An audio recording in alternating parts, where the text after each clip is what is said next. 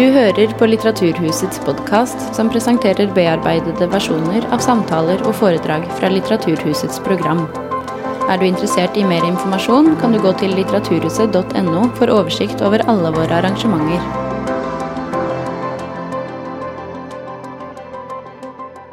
Hei, alle sammen, og velkommen til kveldens samtale med Thorvald Steen og Aina Basso. Mitt navn er Åshild Lappegolan, og jeg jobber med det kunstneriske programmet her på Litteraturhuset. Hvorfor forsvinner enkelte hendelser fra vår kollektive historie? Hva er det vi utelater når vi former narrativet om hvem vi er, og hvor vi kommer fra? Og hvorfor? Dette er spørsmål som dukker opp hos meg når jeg leser Thorvald Steens historiske romaner. Gjennom sju romaner har han utforsket kjente historiske personer og deler av Europas historie. Det begynte med Don Carlos i 1993 om Charles Darwin, og siste tilskudd kom med årets roman Påklederen.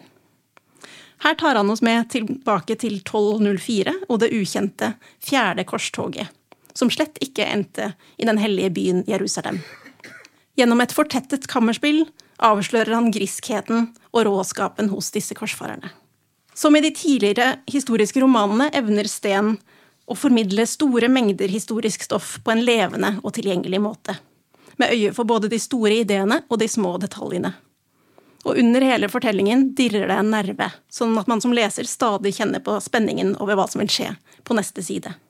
Sten går uredd og nysgjerrig inn i vår felles historie, til hendelser og skikkelser som i stor grad har preget vår tenkemåte og den verden vi lever i i dag.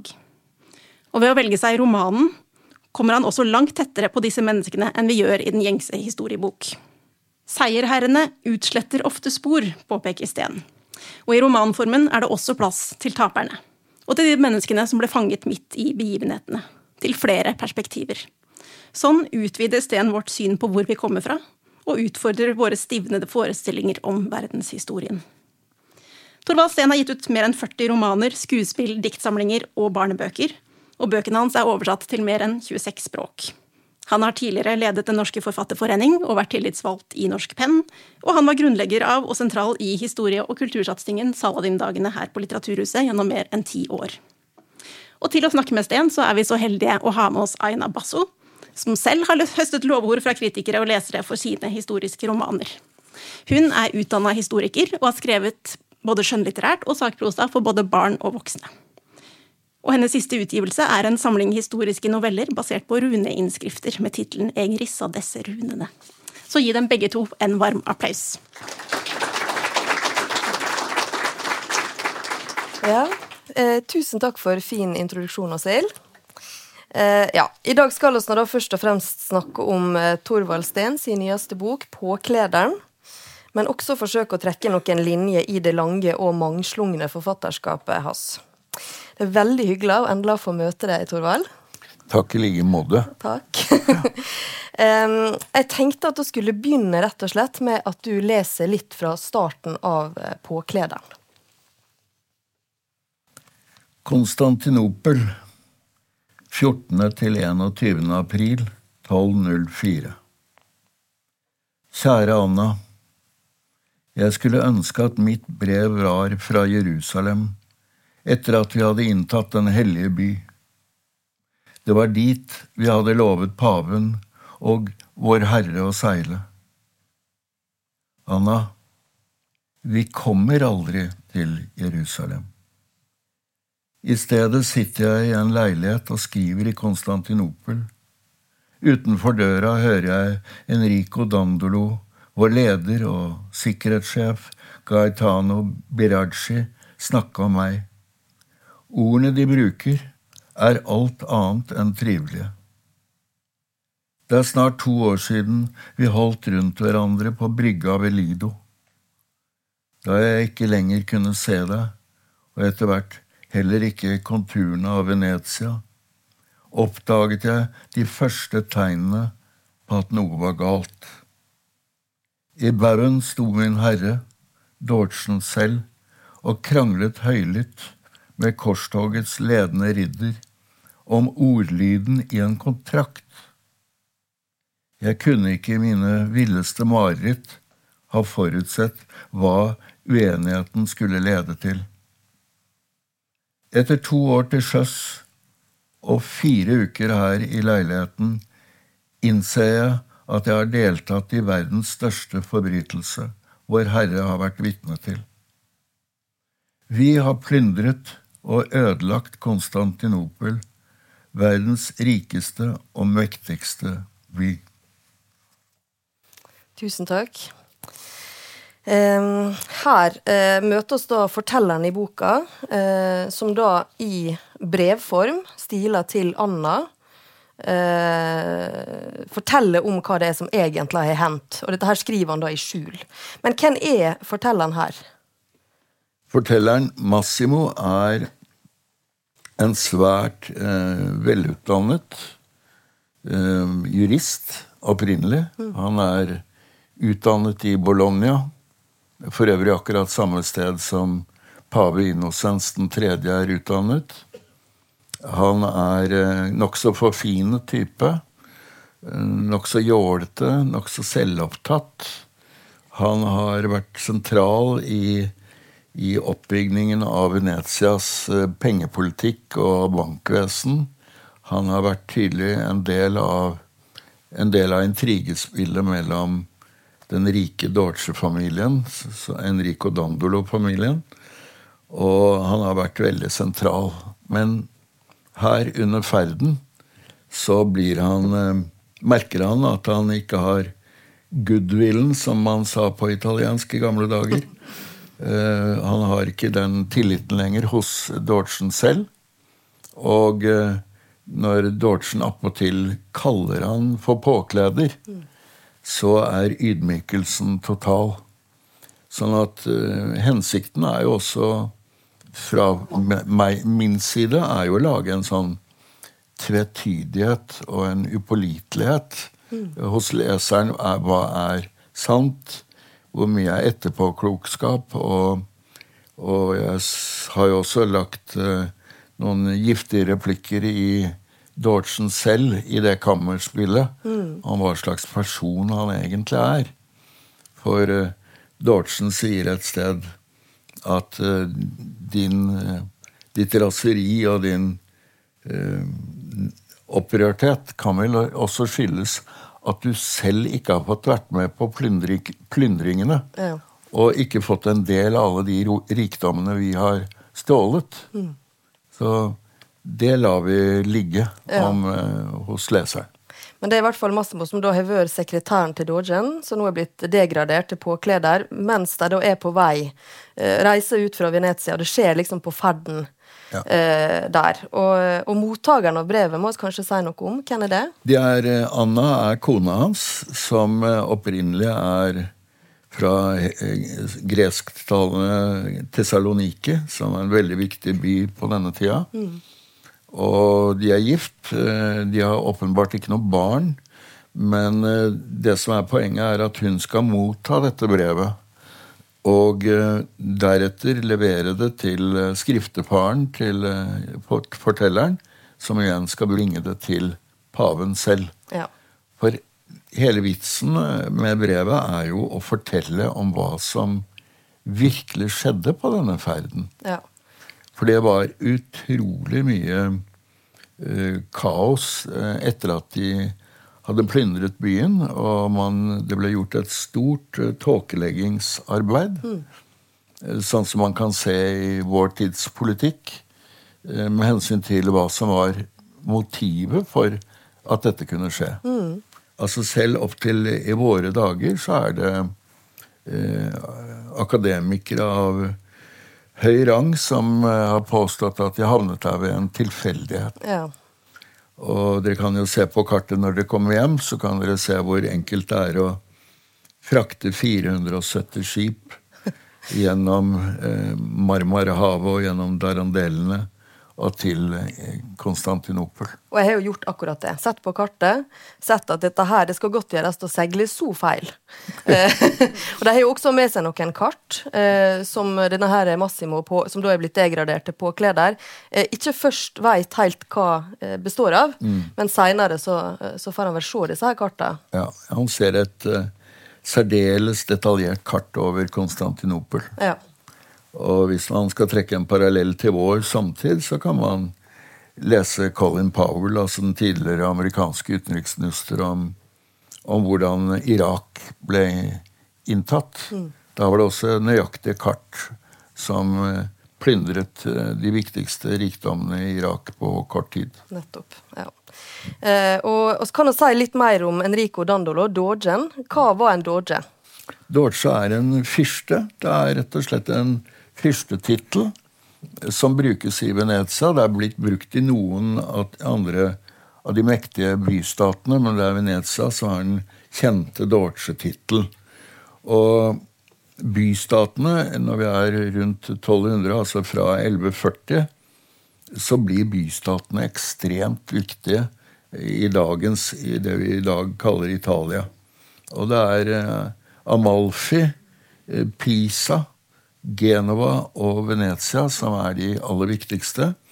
Og bystatene ble, de ble så mektige at uh, de klarer altså innenfor et begrenset område å lage mur rundt byen, forsvare den ved at den har en øy ofte, eller halvøy, og at de har en stor flåte til å beskytte seg. Mm. Og det var veldig velegnet på denne tiden. Så Venezia besto av eh, dette. Også i tillegg så hadde de startet et, eh, et svært moderne bankvesen. Yeah. Og det gjorde at de hadde en uh, seddelpresse, rett og slett. Som ga dem et fortrinn som ingen annen europeisk stat hadde. Og paven eh, Opprinnelig så hadde, var det paven som initierte dette korstoget.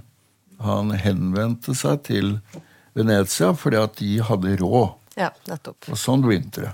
Ja. Uh, England, Frankrike, det som i dag er Holland osv de hadde ikke penger på den tida. De var, og de var også utslitte av alle korstogene. ja. Dette var jo tre korstog tidligere, og eh, på denne tida så var Jerusalem inntatt av, eh, av Saladins etterfølgere. Og hva var pavedømmet så rasende for, og hva var Europa så forbanna for? Jo, det var det at alle religioner fikk praktisere sin tro i Jerusalem. Ja. Det var det som var eh, skisma i verden. Jeg vil påstå at det er ganske likt den dag i dag. Eh, nemlig at de som eh, Hvis man lar én religion dominere den hellige byen, som mange religioner har som hellig by, mm. så er verden ille ute. Mm. Og det var akkurat situasjonen denne gangen. Men Venezia og Dortsen, det var den rikeste familien som styrte eh, Venezia, og kunne rett og slett sponse et fjerde korstog. Og så her er han da med seks riddere som da er med Dogen på liksom å lede dette her korstoget med alle disse her skipene. Ja. Eh, og de har skrevet under en kontrakt, det nevnte du også nå når du las eh, det utdraget. En kontrakt med Dogen som viser seg å være ja, ikke helt fordelaktig for de andre enn han. Nei, altså det, det er jo en helt eh, eventyrlig kontrakt, da. Og betød jo har betydd ekstremt mye for Europa, skulle det vise seg. Kontrakten gikk i korthet ut på at uh, Ettersom dere ikke klarer å samle nok midler til dette korstoget, altså dvs. Si skip og kapital og krigere, soldater, ja vel, så får vi ordne med 470 skip. Det er en enorm flåte. Og uh, i tillegg til det så tar vi og dekker ca. 70% av hele korstoget.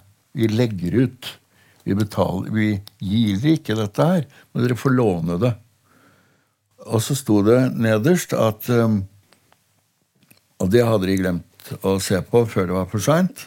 Nederst så sto det at um, når vi er der Det er eller Venezia, republikken Venezia, som til enhver tid kan bestemme når vi lånte skal tilbakebetales. Mm. Og det var, det var ulykka. Det var ulykka. Ja, fordi det hadde jo ikke Det gikk, gikk ikke lang tid etter at jeg hadde forlatt Lido, altså havneanlegget i Venezia, før Dortsen sa at uh, nå vil vi gjerne ha republikken ved meg vil ha nå tilbakebetalt eh, deler av dette. Ikke alt, vi er jo rause, tross alt. Og da var det noen som sa, blant annet en fransk greve som skrev en eh, utrolig beretning fra dette korstoget, og som eh, Villardin heter han, eh, fransk greve. Han, eh, han eh, sa at du vet jo aldeles utmerket godt, eh, Enrico Dandolo, at vi har ikke fått noe mer penger nå siden vi har seilt fra Venezia. Nei vel. Det er opp til dere. Da får dere ordne med disse tingene, da. Og da vet dere veldig godt hvordan det kan gjøres. Og vi har til og med gjort, lagt grunnen rede for det. Innta byen Sara, mm. med et sett som altså lå ved Adriaterhavskysten i dagens Ungarn. Mm. Hvis dere plyndrer den byen, så begynner vi å nærme oss noe. Og som sagt så gjort, så skjedde det. Og det var jo også en kristen by. Ja, altså ifølge den franske kilden så var det protester på dette. Ja. Fordi at de til og med De var ikke sånn som disse tvilsomme bysantinerne. De kristne i Konstantinopel de omgikk jo med jøder. Mm. De var sammen, de hadde muslimer som jobbet i hoffet. De hadde jøder som var leger, og som var til og med rådgivere og fikk undervise. Altså nå, Det var en helt utenkelig ting i vår del av verden. Dette er jo nokså underkommunisert i vår historie. Eh, eh, selv på et Martin Luther-jubileum i fjor så er det ingen som forteller om hva Martin Luther mente om jøder. Men det var ikke noe særlig greit. altså. Det var ikke det. Det, det var ikke for ingenting at det liksom er det viktigste temaet i Mein Kampf. Av ikke Knausgård, men av eh, Adolf Hitler. Ja. Så da plyndra de da Sara, skaffa seg gods og gull, eh, og, og blir der eh, over vinteren. Ja. Og så reiser de videre, da. Til ikke Jerusalem, men Konstantinopel. alle, da- tro, alle tror jo at de skal til Jerusalem Ja. fortsatt. Så, ja, og på denne tida så er jo det da eh, hovedstaden i det bysantinske riket. Der er jo overvekt av gresktalende kristne, sånn som jeg har forstått det, men der er jo også andre eh, minoriteter, religioner, eh, som får praktisere der over, eh, og bli akseptert. Eh, men det er jo også da dåtidas rikeste og kanskje viktigste by, eh, med enorme skatter. Og Massimo, som da er fortelleren, eh, har jo da vært der noen år tidligere og laga en veldig utførlig beskrivelse av Konstantinopel eh, for Dogen. Men han har ikke vært så opphengt i å fortelle om alle skattene og rikdommene som Dogen gjerne vil at han skulle gjøre. Men likevel så er det nok, da, åpenbart, til at de reiser dit. Eh, og du forteller jo blant annet levende om tunge gulltroner som er utsmykka med altså, fugler og diamanter, og det, hva tungt det er, og massivt. Veldig mye skatter der. Som da Enrico Dandolo Dogen har veldig lyst til å ha, da. Eh, Men hva ble liksom konsekvensene av dette her, som da egentlig jo var et plyndringstokt, eh, forkledd som et hellig korstog? Ja, konsekvensene, det er jo Først av alt så er jo det at det er enorme mengder gull som blir fraktet fra, fra Konstantinopel, og som mange, en del histori økonomiske historikere har ment at 75% av alt gullet er der på denne tida. De 38 kirkene, hovedkirkene, eh, var dek altså kronene, eller Kuplene. Ta, kuplene takk. Mm. De var jo av gull. Det er helt enorme mengder. Man vet ikke om eksempler fra historien overhodet, menneskehetens historie, hvor det har vært konsentrert så mye gull. Eh, Og alt dette ble fraktet til Venezia og Ravenna og Roma. Men overlegent mest til Venezia. Og uh, andre økonomiske historikere, italienske, tenker jo da på at en del av Venetias rikdom etterpå er basert på dette plyndringstoktet. Ja. Fordi at ikke bare Massimo har vært der, men Enrico Dandolo har vært der flere ganger. Og eh, Venezia har altså etablert seg i, i Konstantinopel i, i hvert fall 80 år på denne tida her. Og Genova det samme. Og den dag i dag så kan man se sporene av Venezia og Genova i dagens Istanbul. da. Og, men én ting er at gullet blir fraktet bort til, eh, til Europa og til Venezia. Dette er jo selvfølgelig noen som er følsomme i publikum, vil kanskje tenke at dette var da ille og stygt gjort. Og det er jo det. Eh, Men, men det er jo sånn som ofte skjer i vår menneskehetshistorie. Men det som er tragisk, virkelig tragisk, og som vi lider av den dag i dag, det er jo at kontakten mellom øst og vest, mellom eh, kristendom, islam og jødedom, det opphørte da fullstendig i Europa. For da ble vi alle eh, en del av Vest-Europas, eller Romas, måte å tolke kristendom. Det vil si en, en fundamentalistisk kristendom, hvor det ikke er plass til andre religioner enn én bestemt tolkning av kristendommen. Og det vil si at um, mine to barndomshelter, eh, Rikard Løvehjert og Sigurd Jorsalfar, eh, de er begge oppdratt i den eh, pavetolkningen som er gjeldende fra 1095. Det er at eh, dess fler vantro du klarer å drepe, dess raskere eh, kommer du til paradis. Det får uforferdelige konsekvenser. Ja. Det gjør jo at Sigurd eller en Richard de vet ikke hvordan de skal gjøre noe annet enn å drepe når de møter jøder eller muslimer eller kristne som ikke har den ansiktsfargen du og jeg har. ja, ikke sant. Fordi at eh, Hva gjør du når du ser en koptisk kristen? Eller en armensk kristen? De er jo, vil påstå at de er like kristne som de andre som soldatene de møter. Men de har ikke noe særlig legg å vise. eh, Og hudfargen gjør dem diskvalifisert. Så de blir jo drept før de får sjansen Ja. til å omvende seg. Og du forteller nå også da om, altså Massimo forteller om uh, uhyrligheter som han har observert eh, i sitt fangenskap. Det må sies at når de kommer til Konstantinopel, så blir han liksom plassert i et rom i den leiligheten der eh, de bor, eh, med veldig tynne vegger mellom seg og Dogen. Men han, det vet ikke Dogen, så han vet ikke at Massimo, vår helt eller vår forteller, eh, faktisk hører eh, det som blir sagt på andre sida av veggen. Mm. men han observerer da veldig mye av denne her, eh, disse grusomme hendingene som, som, blir, som foregår. Han, eh, han, du skriver på et tidspunkt at Eller han forteller at eh, det ser ut som at Konstantinopel har blitt løfta Nå vet jeg ikke hvor mange Brakkio, eller hva det heter. Sånn eh, eh, en gammel måleenhet. Opp i lufta og sluppet ned igjen. Det er Ja. sånn det ser ut der. Ja. Eh, og det er også andre uhyrligheter som foregår. Eh, Ja, for han er jo, Massimo er jo vitne til hele den brutale eh, Det aller mest brutale partiet skjedde mellom 9. og 12. april. Og, og han var jo også med på da de gikk i land. Det var også under voldsomme kamper.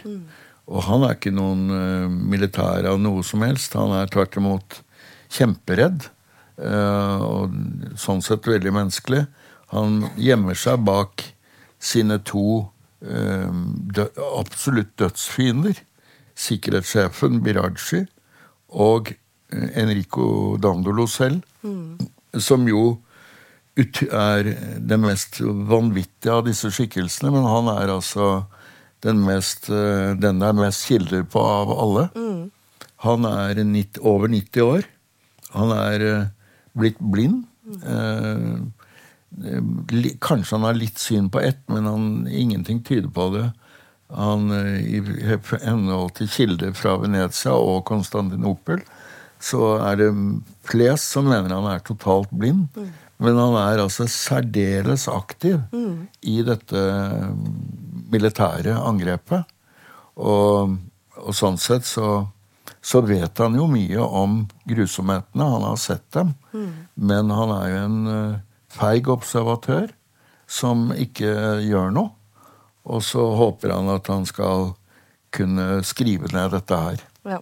Men det er jo hans kamp om bare å være observatør, og at han ikke gjør noe mer for å skrike ut sin opprørthet, som jeg håper også kommer godt fram. Absolutt. Og der er nå da, Han finner jo da et hemla eh, lite eh, hulrom i denne her, dette rommet som han tilfeldigvis i dette rommet som han skal bo i. For det er han som har bodd der tidligere, kommer inn, og så får han ha glemt noe papir eller et eller annet sånt eh, som han har gjemt der, eh, og åpner da dette her eh, skjulte rommet. Og der eh, skjønner Massimo at her kan jeg gjemme mine skrifter, sånn at ikke det blir oppdaga hva jeg faktisk driver på med. Mm. Men det blir jo etter hvert mistenkt og, og til dels oppdaga at han skriver på et eller annet. Men nå, kan, nå, er jo han den lærde her. Han er jo den som kan skrive gresk, f.eks., som ja. da verken Dogen eller Biraji mestrer. Um, så han, eh, så han, han ja, prøver i hvert fall å skjule dette her. Uh, men må si litt, du må si litt mer om, om denne her Dogen, for han er jo da altså over 90 år, eller rundt Ja, veldig gammel mann. Ja. Uh, veldig uh, fryktinngytende. Mm. Uh, og, og fryktløse, virker det som også. Altså Når nærmest pilene hagler rundt når de går uh, inn og inntar Konstantinopel, så, uh, så, så, så Det er fordelen med å være blind. Da, ja. du, ser... du hører du suser rundt ørene dine, men ja. du ser ingenting. Ja, Nei, du, han oppdager Det er sånn han virk, framsto. Mm. Det var at han virket helt uinteressert i dette. Ja. det kan også være en form for fatalisme som du ser hos noen soldater i krig. Mm. Eh, men det kan også være det at han anser seg som så gammel at uh, hva, hva, gjør det, liksom? Ja. Jeg, skal, jeg vil heller at det siste bildet av meg er at jeg ja. heroisk prøver å innta byen. Ja. Og uh, det gjør han virkelig. Og klarer seg på et mirakuløst vis å komme levende gjennom dette her. Han er jo en, han er jo en eh, brutal skikkelse. Eh, du skriver at han, han, han, han, er ulærd. altså Han vil gjerne framstå som mer lærd enn han er. Mm. Men han snakker Hva er det det heter? Sånn latin som ikke er ordentlig latin, som du beskriver. Ja. vulgærlatin Vulgær, eller et eller annet ja, sånt. På norsk, på norsk, kaller vi det for vulgærlatin. Ja. Men det er noe han har lært seg, og han, er jo tydeligvis en, en god og dyktig eh, selvlært person. Mm. Didakt, didakt, didakt. Og eh, sånn sett så, så, kan han jo en hel masse. Han er jo definitivt en menneskekjenner. Mm. Og er jo har jo ekstremt mye mer kunnskap enn svært mange av de lederne vi har i denne lille bystaten Norge. Mm. Eh, så det er ikke noe Han, er, han har grep på mange ting. Og åpenbart har han jo vært flink til å knyttet til seg veldig dyktige ledere. Mm. I tillegg har han en sønn som er en åpenbart eh, og veldig kjent eh, admiral. En reell admiral som er hjemme i, i Venezia og styrer der, mens han, faren, er på dette toktet. da. Mm.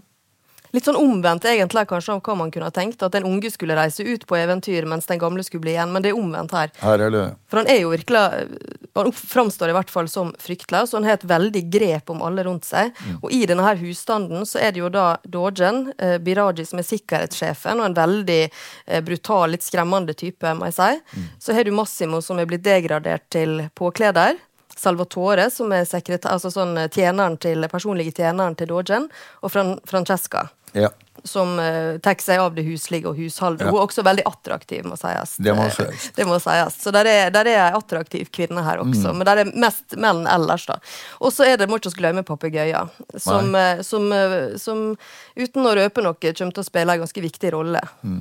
i faktisk Det ble veldig veldig viktig for meg å få fram det altfor lite litteratur om papegøyen. Det skjønner jeg godt. Ja. Kan ikke vi bare Pippi? Nei, ja. Nei, det er riktig. Ja. Nei, så dette her er jo da altså et plyndringstokt, som dere skjønner. Eh, det foregår uhyrligheter der, grusomheter der.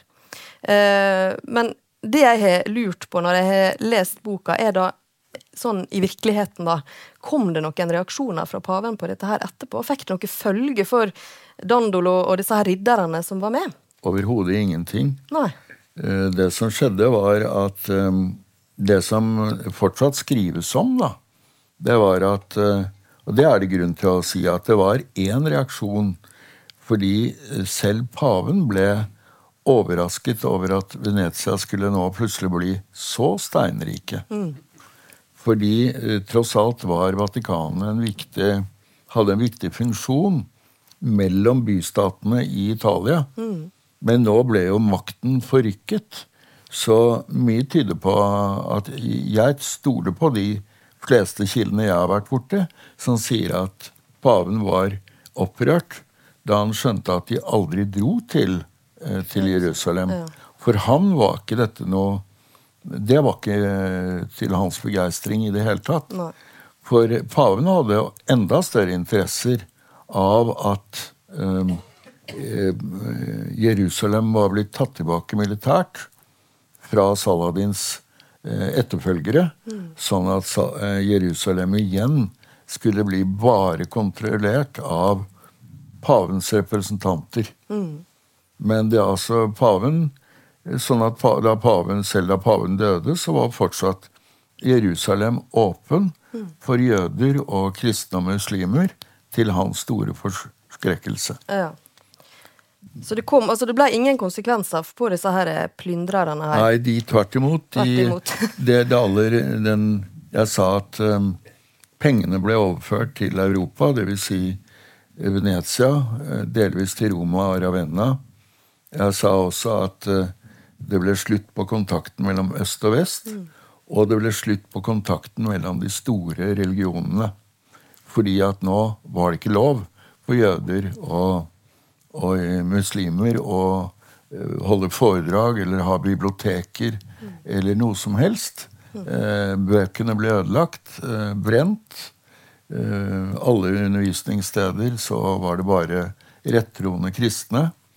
Paven var ikke bekymret for, for de mm, armenske eller koptisk kristne, og slettes ikke for de såkalt ortodokse troende, som plutselig har kommet mer på agendaen til journalistikken i disse dager, fordi man har begynt å lure på hva er egentlig den kristne kirke i Russland og i Ukraina og Bulgaria osv. Men dette skisma det ble helt tydelig i disse dagene her. Det var, For dem så er dagene 9. til 12. april det er eh, tragiske dager. Så for dem er dette like uhyggelig som det har vært for en del moderne paver. Og jeg har jo tatt med ordet til eh, Johannes Paul Paul fra 1996, hvor han sier at av alle synder vi paver har begått, så er dette som skjedde i aprildagene i 1204, antageligvis den verste.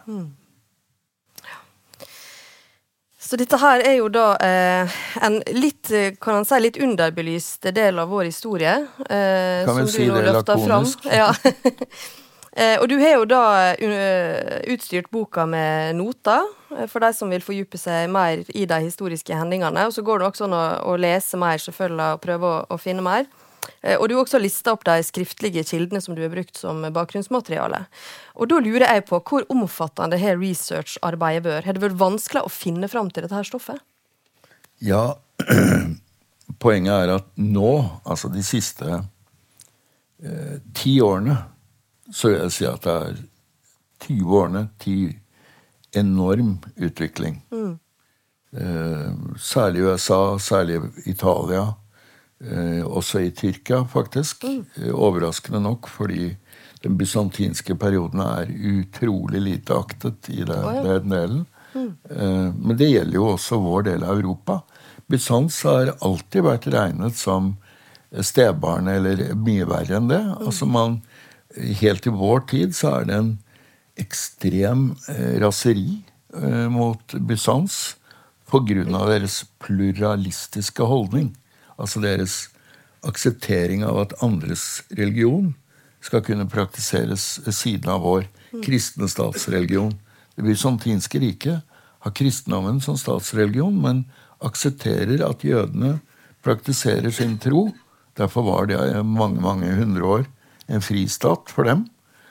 Og eh, også underkommunisert blant, i nyere tid blant jødiske lederne. Eh, men også eh, Mm. Så dette er eh, Sånn, sånn er det bare. Mm. Men når du liksom skulle ha funnet fra, altså Det jeg lurer på, er jo da hvordan kom du fram til denne historien? Eh, Ja. Og hvordan gikk du fram for å finne stoff? Det, det er jo I dag så er det sånn at jeg kan få hjelp ved at jeg eh, henvender meg til, Venezia, altså i italienske kilder. Man kan få det fra bysantinske nåværende kilder. Og det åpnet seg for cirka, for min del, for ti år siden. Ja. Og jeg har ikke kunnet skrive dette før. Jeg har ikke skjønt det før. Um, ja, det er én bok på norsk eh, som eh, er gitt ut på Pax, og som er kommet igjen ut. Som er en sånn veldig populistisk framstilling av Bysants historie. Eh, men den er ok. Men noe sånn dypere, det har jeg måttet bruke lang tid på Ja, å finne. Men jeg, selve hendelsesforløpet og selve uh, hvordan dette kunne skje, det har jeg måttet gjøre ved at jeg har fulgt denne reisa uh, indirekte sjøl og direkte. Uh, henvendt meg til, gått gjennom hva som skjedde i Venezia. Hvordan så verden ut? Hva var det som skjedde i 1201? Eh, hva var korstogssituasjonen? Hva var Italias situasjon? Kampen mellom bystatene. Hva var familiene i Venezia? Hva var familiene i Genova, deres hovedfiende? Hva var det man kunne gjøre i Venezia som man ikke kunne i Genova? For begge disse to kjempet om Konstantinopel. Ja, for det er jo da både genuesere og venetianere som er der, og venetianerne de støtter jo da eh, disse her korsfarerne som kommer, Ja. ikke sant, mot de andre. Korstogs, eh, korstoget kommer særdeles beleilig for Venezia. Ja. Og det skjønner Dordtsen. Og det å gå inn i dette store spillet altså En historiker må ofte forholde seg til én del av dette. Mm. F.eks. kampen mellom de to familiene i Dortsjø, nei, i Venezia. Det er mer enn nok til eh, ti doktoravhandlinger, det. Ja, ja. Men du må dra dette for å se hele tegningen. Og da må du se hvordan reisen går, ferden går. Hva Konstantinopel Hva er Busans den gangen? Da må du sette deg inn i det. Og du må se også eh, hvordan korstogssituasjonen er. Og ikke minst så må du se denne historien fra bysantinernes side og fra genovesernes side. Så du må hele tiden se alle parter i hele denne bevegelsen, som er bevegelsen Venezia til, til eh, Konstantinopel, plyndringen, og hvordan hele korstoget er oppløst. ja. Og hvordan det aldri blir noe fjerde korstog. Nei. Og det blir aldri, kommer ikke noe seinere. Det går ikke. Det lykkes ikke. Det på blir liksom slutten på korstoga. Dette er begynnelsen for slutten. Ja. Men ble det ikke noe mer i, i Konstantinopel? Jo, Venezia styrte rett og slett fra 1204 til 1261. Ja, nettopp. Og da satte de inn sin egen patriark, altså sin egen pave. Tidligere hadde patriarken i det bysantinske riket vært en meget sjenerøs patriark. Og han var kristen, ekstremt lærd, i motsetning til svært mange av pavene. Eh, Men bare på en ting som vitenskap, dere. Jeg syns jeg er så illustrerende eksempel. Det er at i vår del av verden, altså i Roma opp til oss, så sier pavene fra 400-tallet at alle vitenskapelige ting skal eh, godkjennes av pavens hode og vurdering. Alt etter det. Helt til renessansen. Fra 400 til renessansen. Mens hva gjør eh, patriarken, altså den tilsvarende kristne leder i Øst-Romerriket, Bysants? Han sier at om en forsker har fått denne ideen, at hjertet er slik eller slik, eller sola går den veien eller den veien, eh, og for å operere og finne ut mer om mennesket, så må man obdusere, som man gjorde i antikken. Ja, så obduserer de i Konstantinopel. I vår del av verden er det forbudt. Det er til og med forbudt å operere et bein. Ja. Man kan ikke åpne beinet, eh, for det er skaperverket. Ja. Man kan ikke skjære i det. Så i mange medisinske lærebøker så, så starter det ofte med et sånt bilde av Rembrandt fra 1632. 1632. Og der ser man doktor Tulp, som han kirurgen heter, hvor du ser en eh, obduksjon med legene rundt seg. Og dette var en illegal obduksjon. Ja. Men læreboka som, eh, som styrte skalpellen til kirurgen dr. Tulp, den var skrevet i, i Konstantinopel i 932. Det er veldig illustrerende. Ja. Ja. Og det er forskjellige pavesynene, Ja. eller religiøse overhodene, kristne religiøse overhoder. Ja. En historisk roman det er jo alltid som en blanding av fakta og så tolkning av historiske opplysninger, som vi kan gjøre som forfattere, eller som historikerne, forskerne gjør på sitt vis. Eh, og så selvfølgelig dikting eh, rundt det han finner i de ofte ganske sparsomme kildene som er bevart. Og ikke bare dikting rundt det, men også dikting i her, eh, det som mangler, da. Eh, og da tenker jeg tenk litt på når jeg leser denne boka, hvor mye er det av det som står i romanen som på en måte er verifiserbart i skriftlige kilder, og hvor mye har du dikta? Jeg har ikke laget noen prosent. Nei. Eh, men jeg kan godt nevne at da, da Jon Vidar Sigurdsson, en eminent islandsk professor eh, her på Blindern, og som også er i Reykj Reykjavik og eh, da Han og jeg var invitert til Island og skulle snakke om, eh, om eh, Olav den helliges saga. Så sa, vakte vi bestyrtelse begge to ved at vi mente at fi, fi, maks fire av de 250 sidene om Olav den hellige var fakta. Ja. Og i denne romanen så er det mye, mye, mye mer enn det. Eh, du kan si at det som er min, mitt motto, det er at eh, eh, alt, alt der hvor det finnes historisk materiale, det bruker jeg. Eh, jeg lager ikke, omgjør ingenting med Enrico Dandolo, Dandelo Dortsen når det gjelder faktiske ting. Jeg, eh, når det gjelder steder hvor eh, Når jeg har bygget opp en fiksjonsfigur, nemlig denne skriveren, så Massimo, så er det maktpåliggende for meg at de tingene han skriver og gjør, altså at det er te, at det drikkes te, at det er papegøyer inne i bildet, at det er um, måten å tenke og resonnere angående juss, for eksempel. Noen ville jo kanskje tro at oi, er romerretten eksisterende? Jeg skriver ikke romerretten, for det er et dypt uvitenskapelig uttrykk. for det skulle den hett noe, skulle det vært Konstantinopel-retten, for det er der den er laget. Eller blitt vedtatt. Men at de virkelig diskuterte dette på Bologna-universitetet eh, når Massimo og paven gikk der, eh, det er helt korrekt. Og måten det er språket som de refererer til, er også eksakt. Altså, eh, jeg bestreber meg på at der det fins fakta, så bruker jeg det. Og ellers så skriver jeg ut ifra sannsynlighet. Nettopp. Og da må det eh, Når jeg har skrevet om Sigrid Jorsalfar, eh, så opererer kommer i romanen 'Konstantinopel', så er det en kvinne der som heter Amina. eh, og hun er muslimsk.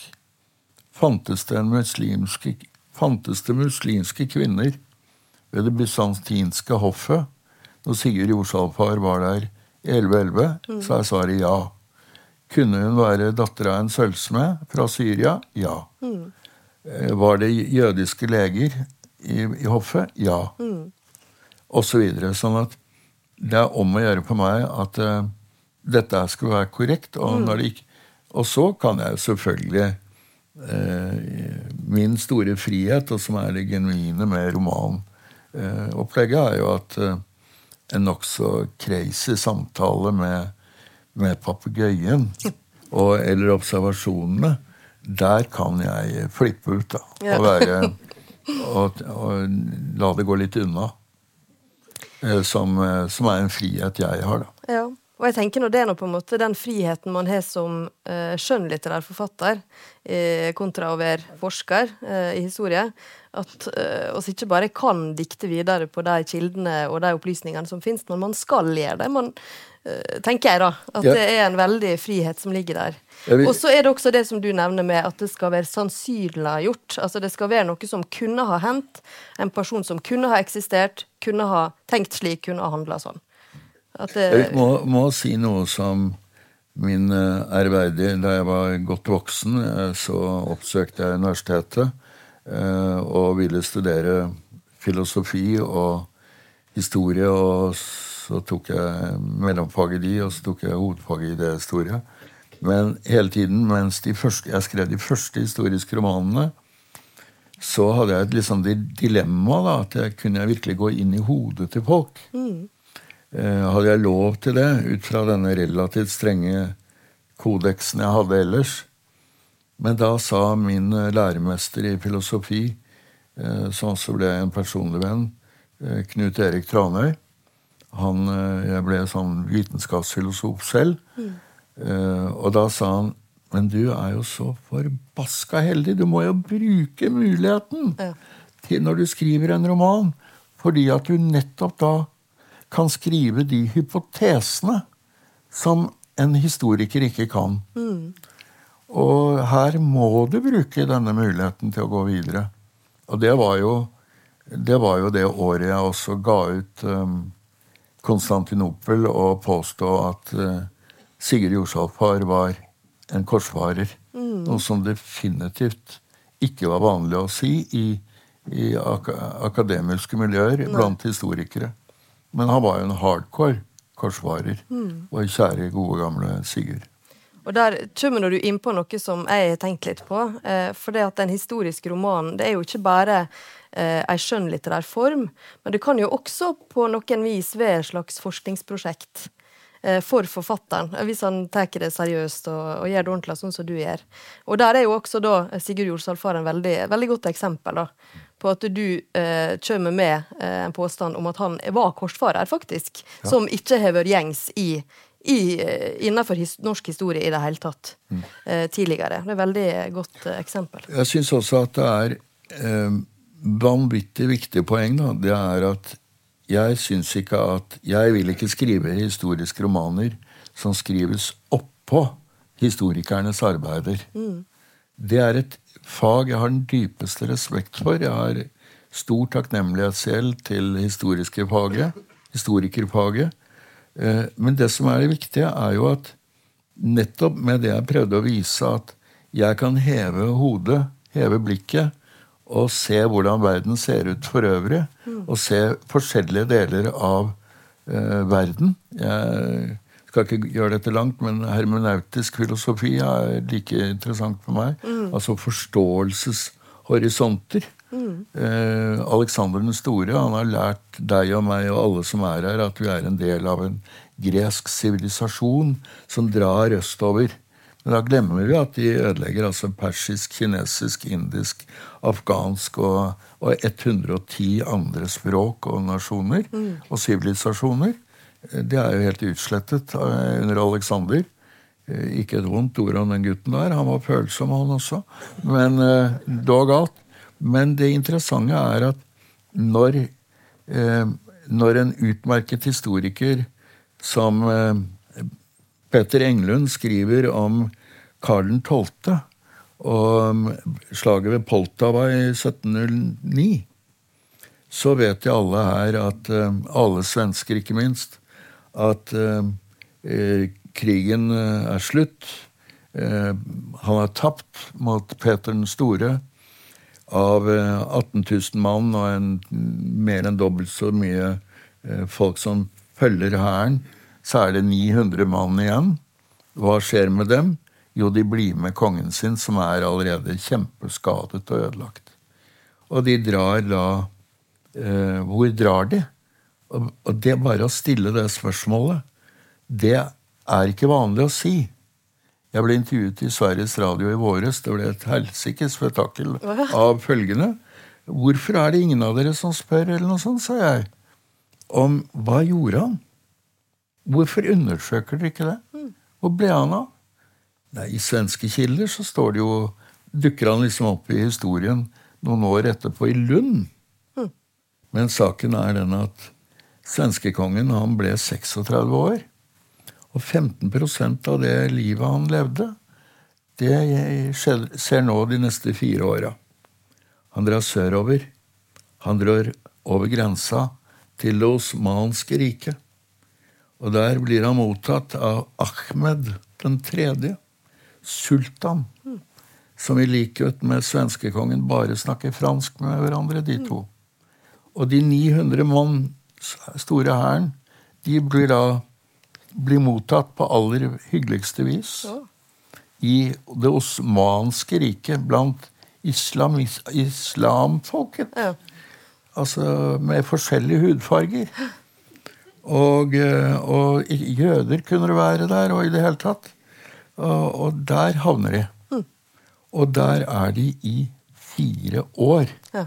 Og så reiser kongen hjem, og da tenker han men hva skjer mellom han og Ahmed den tredje? Hva, hvorfor er det svenske slottet utstyrt som det er innvendig? Veldig preget av osmansk kunst. Se det. Det er det ikke gjort store arbeider på i Sverige, skal jeg love dere.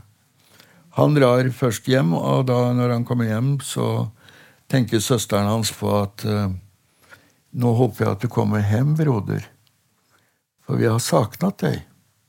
Men da finner han på bare én ting. Han vil dra til Lund. Der sitter han og planlegger felttoget mot Norge. Ja. Og det gjør han to ganger, og dere vet hvordan det gikk. Og Det er slutten på Garden 12. Ja. Men disse fire årene ja, veldig, er borte. Ja, det er veldig interessant. Um, men nå, uh, for å gå litt tilbake til, uh, til ditt uh, forfatterskap og dine bøker, så er det jo sånn skjønt at dette her er jo ikke første gangen vi er i Konstantinopel, og det vet sikkert mange som er her også, som blant annet har lest Konstantinopel, boka som kom i 1999 med Sigurd Jordsalfar som hovedperson. Og så har du jo også skrevet romaner om mange viktige og store personligheter fra historia. Charles Darwin, Snorre Sturlason, Alexander den store, som du nevnte, Rikard Løvhjerte, som du nevnte, og Saladin, eh, som er et av de store forbildene i den islamske eh, verden. Men hva er grunnen til at du interesserte deg akkurat for disse her personene? Det blir kanskje et litt stort spørsmål?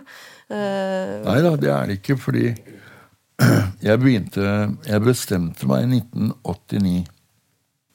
Da fant jeg ut at eh, min kropps historie, den kjenner jeg til. Den hadde jeg begynt så vidt å skrive om. Men hvem, hvordan er det jeg tenker? Hvor er det jeg har mine impulser fra? Og jeg hadde jo studert idéhistorie osv., men jeg vil gjerne vite hvem, hvem jeg er. Mm. Og grunnen til at jeg først skrev om Charles Darwin, det var jo fordi at selv om det var en veldig kamp mellom øst og vest i 1989, så hadde det vestlige verden en stor sans for Charles Darwin. Men det samme er jo i øst. Charles Darwin er husgud begge steder fordi at de tror på fornuften. Mm. De, er, eh, de er forkjempere for fornuften og rasjonalitet. Og det var grunnen til at jeg begynte med han.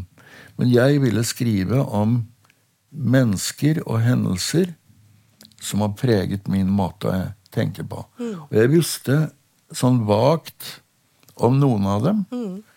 men uh, Saladin mm.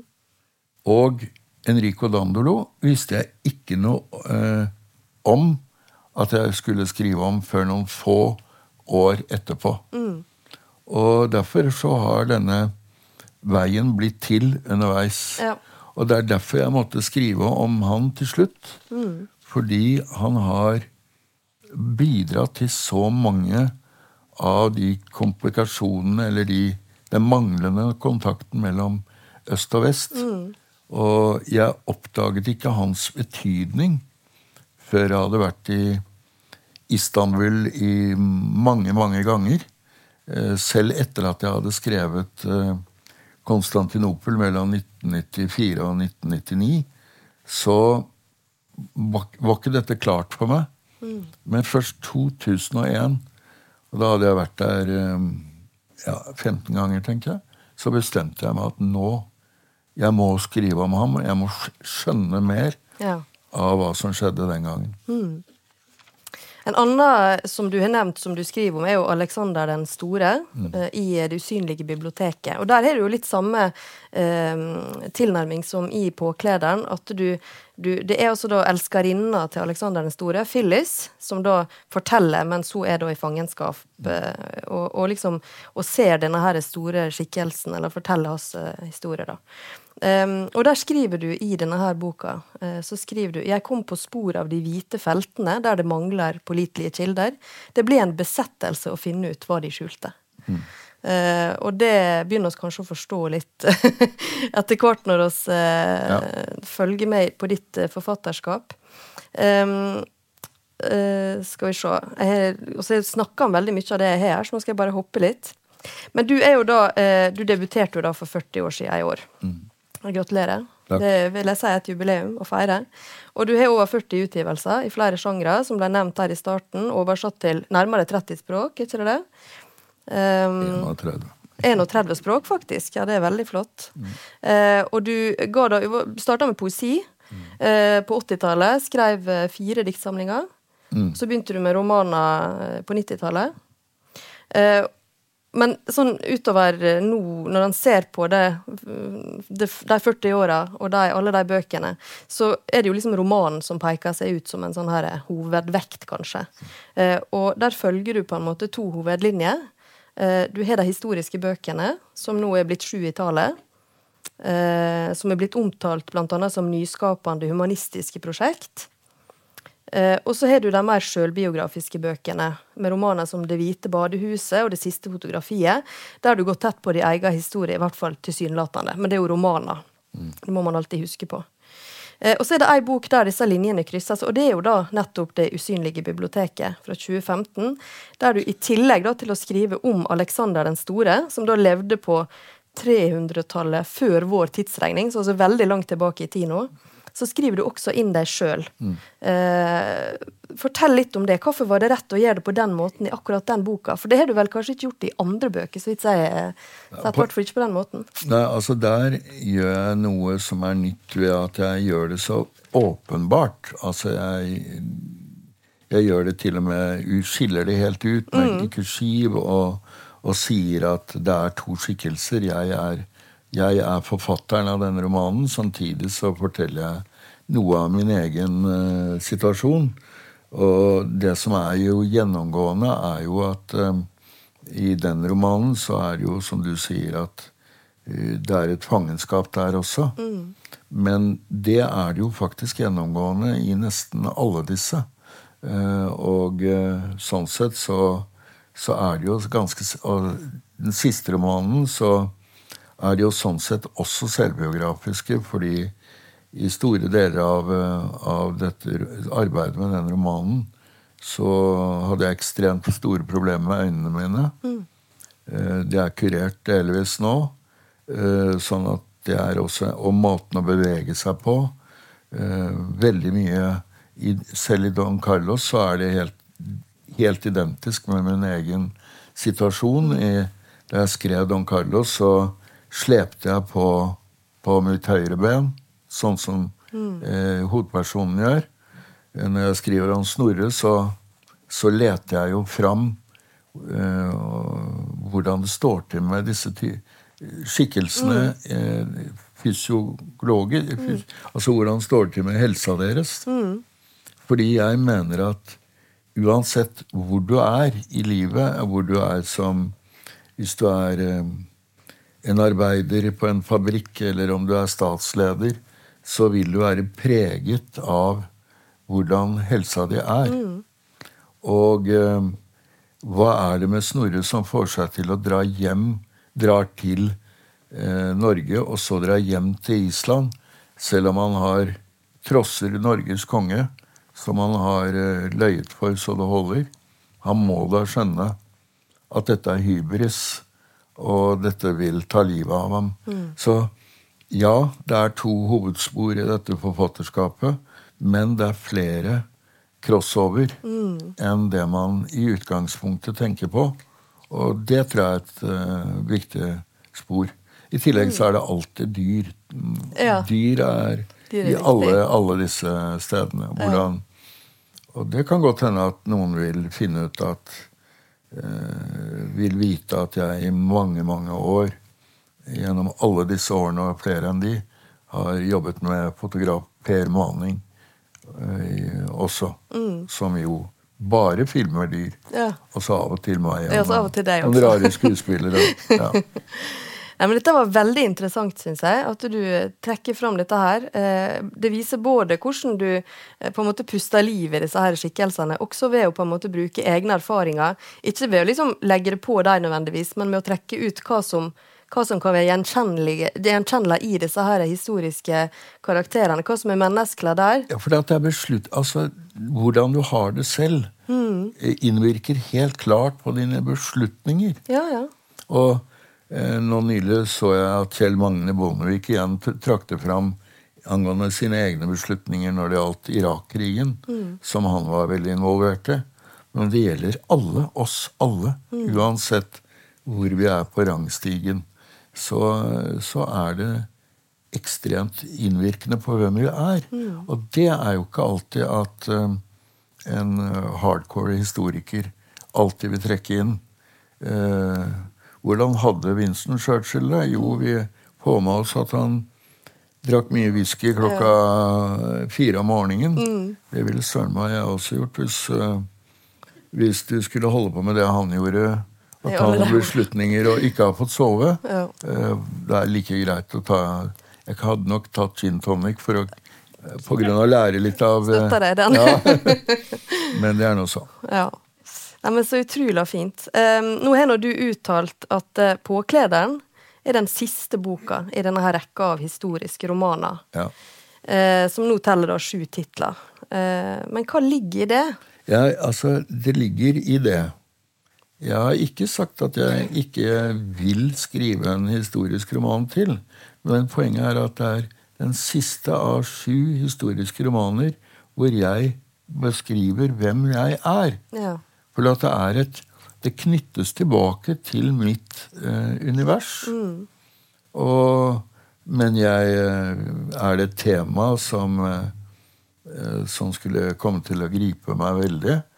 Eh, skal innrømme at inni meg så Siden vi er i et fortrolig hjørne her, så kan jeg jo røpe at jeg er veldig opptatt av noe jeg opplevde da jeg begynte på Gaustad som 19-åring.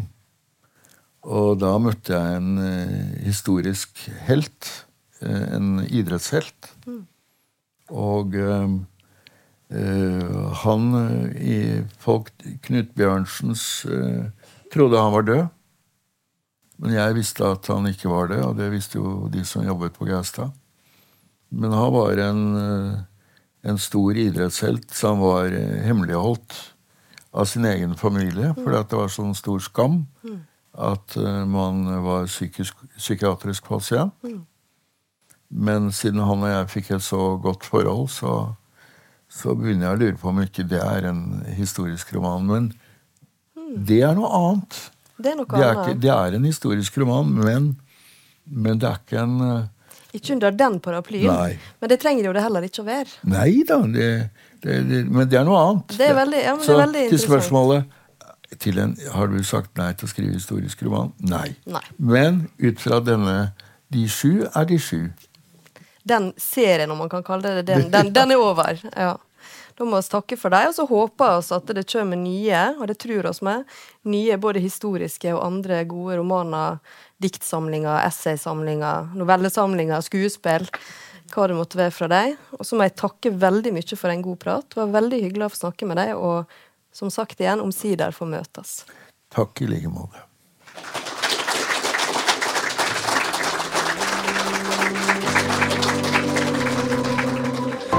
Du har hørt på Litteraturhusets podkast, som presenterer bearbeidede versjoner av samtaler og foredrag fra Litteraturhusets program. Del gjerne podkasten med familie og venner via iTunes eller Soundcloud om du liker det du har hørt. Følg oss også på Facebook og på litteraturhuset.no for informasjon om flere aktuelle arrangementer. Musikken er laget av Apotek.